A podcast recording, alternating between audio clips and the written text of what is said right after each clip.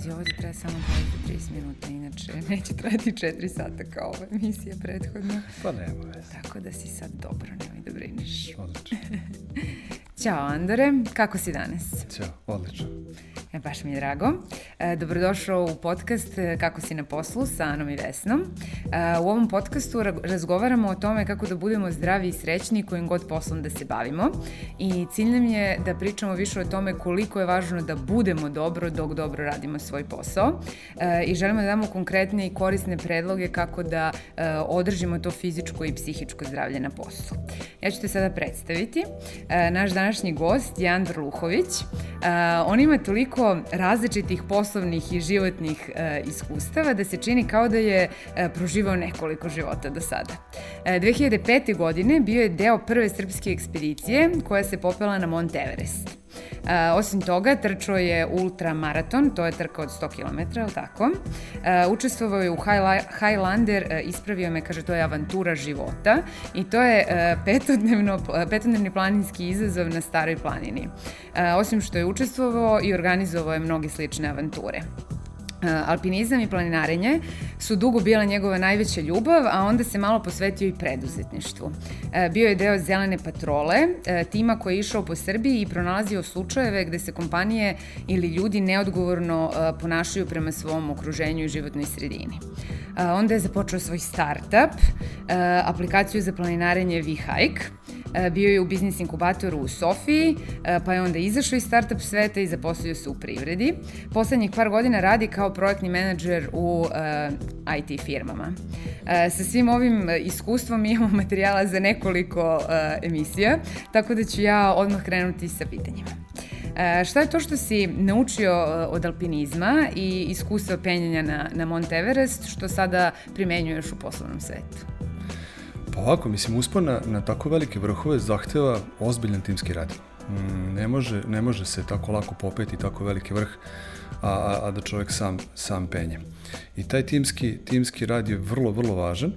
I još jedna lekcija koja, koja je zaista bitna i to često i pominjem kada, kada idemo na planine, nije suština popeti se na sam vrh. E, planinari slave kada se vrha siđu.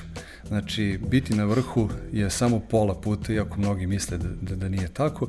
U suštini mi tek kada se bezbedno spustimo dole, onda, onda možemo da slavimo. Tako da, završen posao je u suštini tek onaj posao koji može da se, da se proslavi i to sve u onako timskom duhu. Znači, penjamo se da bi se spustili zapravo, tu je, da. tu slavimo. E, dobro, a kaži mi koliko je e, taj put, mislim jeste naporan sigurno, ali koliko je stresan i kako se u takvim situacijama e, ljudi i kako su vas oni savjetovali, vi ste imali neke pripreme da se nosite sa stresom, pritiskom, da reagujete na e, promene i na različite situacije?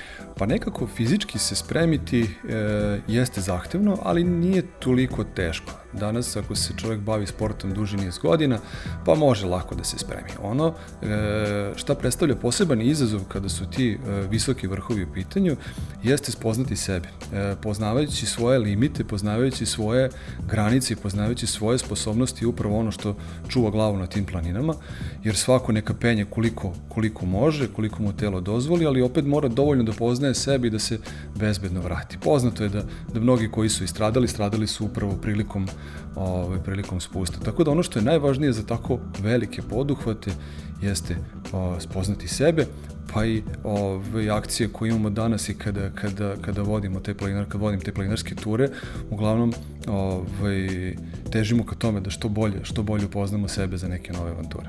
A kako uh, upoznamo sebe i kako su izgledale vaše pripreme? Mislim, kako ti upoznaješ dokle možeš da ideš i, pošto verujem da je lako uh, prevariti se, pogotovo kad dođeš do, do nekog dela na toj planini i sad činiti se, ali ovo je samo mi još malo treba, mogu ja to i kad sam već stigao dotle, kao gurnuću se da pređem i ovaj mali deo, a upravo taj deo može da bude koban i može da, da, da učini da se, nažalost, ne vratiš nazad.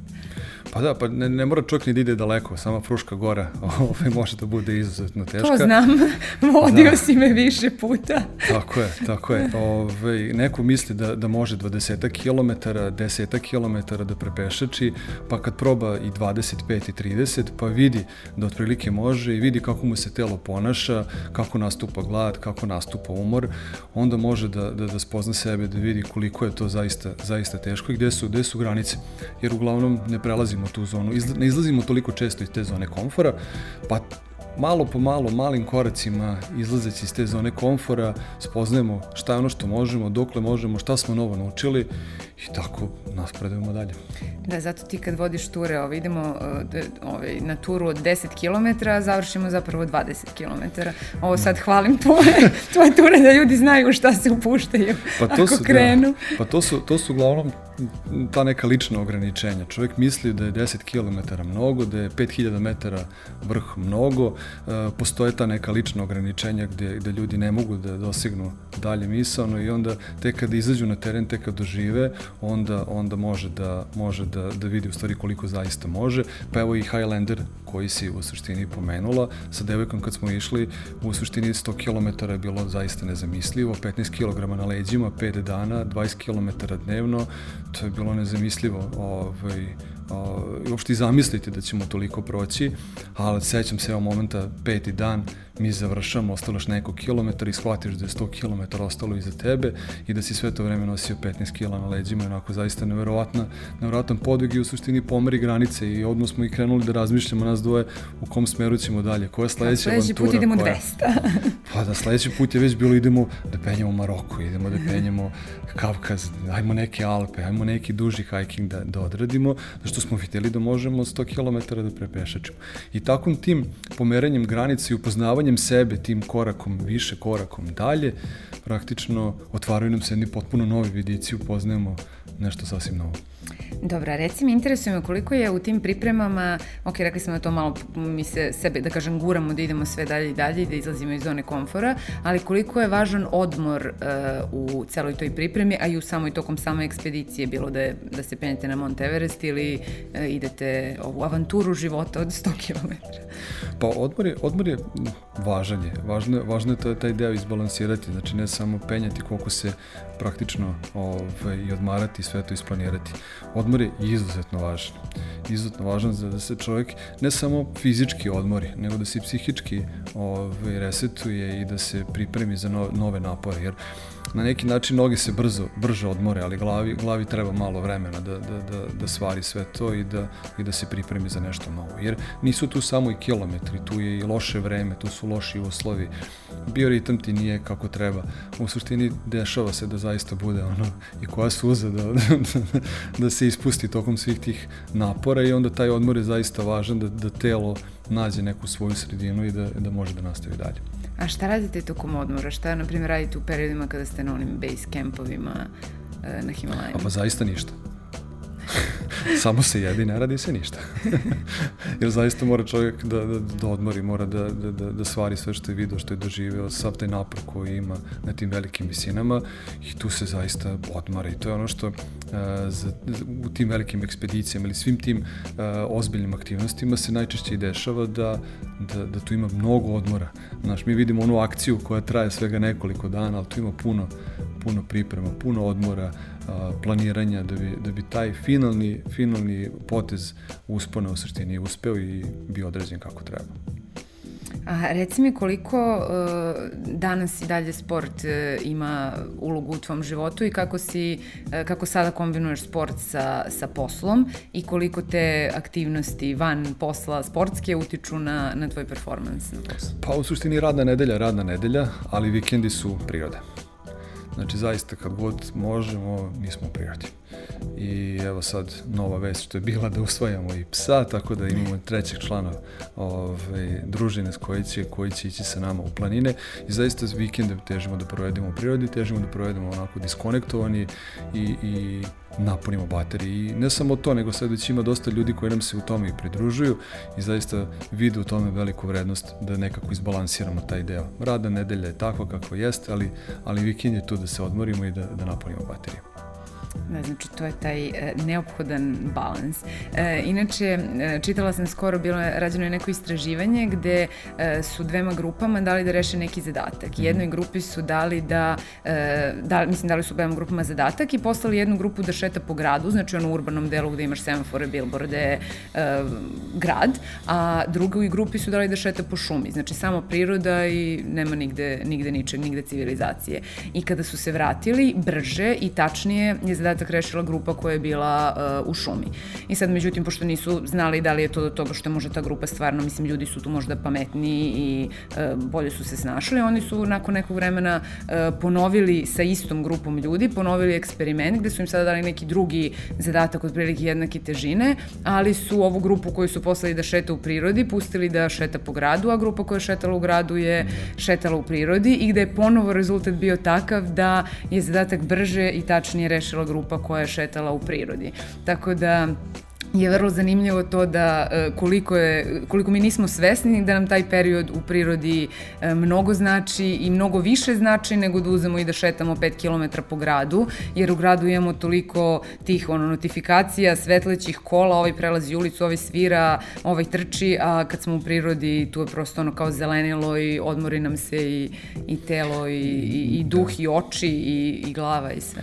Nije, nije samo u, u tim notifikacijama i u tim ovaj, triggerima, koliko je u tim šetnjama je često čovjek stvarno sam sa sobom. I ovaj, bez obzira što mi šetamo u grupi, ta uzbrdica nije laka to su neki trenuci kada čovjek e, zaista bude sam sa sobom, što je vrlo redka, redka prilika da, da, da budemo sa sobom, da nemamo nikakvih drugih distrakcija i da se posvetimo na neki način sebi, a da smo opet zajedno sa, sa, sa dragim ljudima.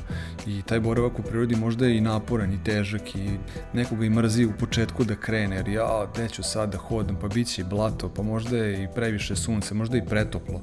Ove, ovaj, ali na kraju dana zaista, makoliko mi bili i umorni i onako iscrpljeni, osjećamo se nekako ispunjeno, osjećamo se nekako ovaj, odmoreno i, i spremno za, za, za dalje. I osetimo recimo svaki put kada, kada ne idemo u prirodu, kad se za tako, takva situacija, tako se zadesi da nismo bili u prirodi, ovaj, oseti se to i tokom ovaj, naredne nedelje da nismo uspeli da se odmorimo. I to je zaista jedan redak, redak moment danas, današnjici da, da, da možemo da budemo sami sa sobom i da nekako ove, resetujemo neke stvari. Da, a to blato može da bude i vrlo zanimljivo, pošto sam bila i na blatnjavim turama koje si organizovao i super je da. za klizanje, tako da o, i ja mišiće više aktivira, tako da, da je u svakom da. slučaju vrlo zabavno. Druga tehnika hoda skroz. Eto, a reci mi, mislim, malo pre si spomenuo da, kao da, da pripreme nisu toliko teške i da može da se svako pripremi bilo za Highline, Highlander ili i za, i za neke veće ekspedicije. E, koliko je potrebno da, da ljudi, mislim, da li je to samo za profesionalce ili ne, jer mislim da ono, ne može baš svako da, da se spremi da ode na Monteverest. Koji nivo pripreme je potreban i koliko vremenski je potrebno da, da se neko priključi uh, takvim sportskim aktivnostima? Pa, suština jeste da, da zavisnosti kako, se, kako čovjek pristupa tome. E, moj pristup je takav da, da ja nemam taj takmičarski duh u sebi, ja e, posmatram samo nekako svoje rezultate, takmičim se sa samim sobom i automatski to pravi onako potpuno menja, menja sam pristup. Ja se ne, ne pripremam za trke sada neki pa da pobedim tamo nekoga, svaka ta trka je u stvari pobeda samog, samog sebe. I e, uspona bilo koji od tih e, vrhova čovjek mora da bude spreman, mora da, mora da trenira. Mislim, i, mi, ja, ja sam se za, za Everest spremao na Fruškoj gori. Uh, nosio ranac ceo dan hodaš. To ti je to, samo na većoj nadmorskoj visini. Uh, tako da fizički se spremiti danas uz vođenje treninga može, mislim nije da sad može sad bilo ko, ali, ali zaista ako se čovjek posveti, izdvoji neko vreme da, da, da se sprema, nije to tako daleko, nije to tako nedostižno ovaj, ako je čovjek zaista posvećen to mi želi da, želi da to ostvari. Lepo, znači može da se spremi uh, uspon na Mont Everest na može, može, Fruškoj da. gori. Zaista, da. Zanimljivo. Dobro, uh, sad bih uh, ove lekcije iz, iz sveta sporta i iz alpinizma smo iz, izvukli. Uh, htela bih da pređemo na ovaj svet startupa. Kaži mi šta si uh, naučio i koje lekcije nosiš iz startup sveta? Uf, to je bilo bolno. Isto, ovaj, kao i Everest, nosi svoju drugu, drugu patnju i drugu, drugi, on, druge lekcije. Pa Starta svet, e, m, lekciju koju sam naučio, e, jedna od vrlo važnih stvari kada je, kada je startup svet u pitanju i kada, su, kada, kada je taj rani biznis u pitanju, jeste što prevalidirati ono što čovjek pravi. E, najveća zamka koju ja vidim da drugi ljudi prave jeste da se zaljube svoj proizvod i prave svoj fenomenalni proizvod, nešto što će da bude zaista fenomenalno ovaj, na tržištu, misleći da će to samo da se prodaje, jel te, zato što je sam proizvod uh, fenomenalan, ali ne, ne, to, nije, to nije tako i to su ti najčešći failovi kada ljudi previše vremena proizvedu, uh, provedu uh, praveći to što su osmislili, bez da su to i validirali na, na samom tržištu. Tako da lekcija koju ja nosim jeste da, da što pre nađemo to neko, kako bi to rekli, market fit, uh, da vidimo da li to ljudima zaista treba, da li će to ljudi zaista koristiti i na kraju dana da li će to ljudi kupiti. Ove, tako da to je neka lekcija koju sam ja ove, naučio i koju sad primenjujem u radu.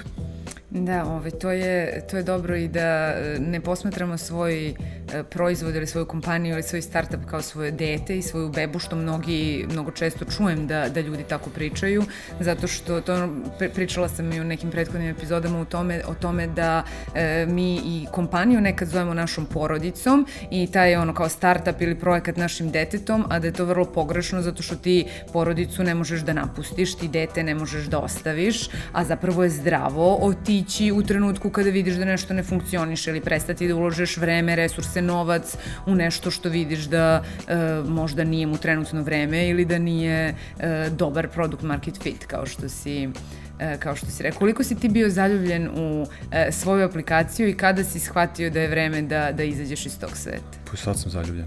Nije to prošlo. Samo lekcija govori svoje da to neće tako, tako lako ići. Ove, ovaj, pa potrošili smo sve pare. Znači, e, praktično investicije koje smo dobili, e, investirali smo u razvoj samog proizvoda, bili smo neverovatno posvećeni tome kada je novac potrošen, e, pokušali smo da dižemo novu rundu para, ali svakako nismo imali nikakvu trakciju, nije, nije tu bilo, e, nije bilo ljudi koji su to aktivno koristili da bi investitori videli potencijal i tu je, tu je nastao taj, taj problem zbog kojeg smo mi praktično morali da, da, da napustimo i da, da se na neki način i raziđemo. I to je onaj bolni trenutak koji čak i investitori su i svesni toga Znači oni znaju, ok, to je tvoj prvenac, to će da boli, to će da gotovo sigurno i da propadne, ali te čekamo u nekoj narednoj avanturi, to će, ta ćeš biti sigurno pametniji. I ne samo ja, nego bilo ko. I tek sam kasnije shvatio da startup uh, uh, i generalno investiranje u te rane biznise i startup u stvari nije da bi ti sami startupi uspeli, koliko da bi uh, sama zajednica izgradila ljude uh, koji bi kasnije učestvovali u razvoju možda nekih drugih biznisa i jednostavno naučili kako se proizvodi neki razvijaju.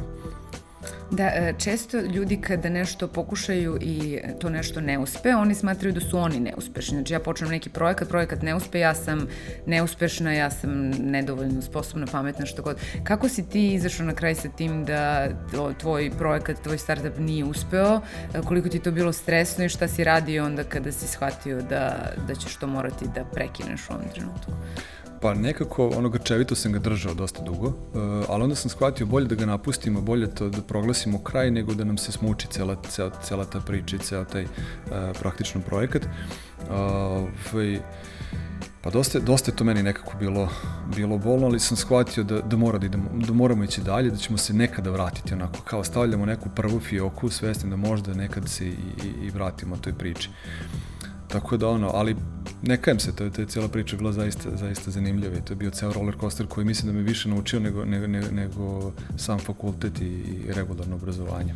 Da li si tu možda e, imao neka uverenja koje si trebao da menjaš? Možda baš to da nisi ti neuspešan, nego je, nije projekat uspeo i možeš odatle si naučio to, to, to i to. I da li je bilo još neko uverenje ko, koje si morao da promeniš da bi tebi bilo lakše i da bi onda krenuo dalje? I kako si odlučio šta dalje? Mislim, zašto nisi, ne znam, pokrenuo novi startup, otišao na novu ekspediciju, nego si odlučio da se, da se zaposliš i kako si uopšte birao gde ćeš da se zaposliš, jer mnogi ljudi prolaze kroz taj period da možda ono izađu iz neke kompanije ili započnu nešto, to ne ide, pa kao šta da radim sad? Kako se tu orijentisati i šta raditi, mislim, kroz svoje iskustvo? Ne pa, pa startup svet kao takav i, i generalno moje iskustvo u celoj toj priči je da, da ti se baviš jednim proizvodom, ali biznis kao biznis e, je nešto potpuno potpuno drugo. Tu ima mnogo drugih elemenata od prodajne, marketinške, od pravne strane, od, ja sam se više bavio knjigovođima i edukatima nego što se bavio samim proizvodom i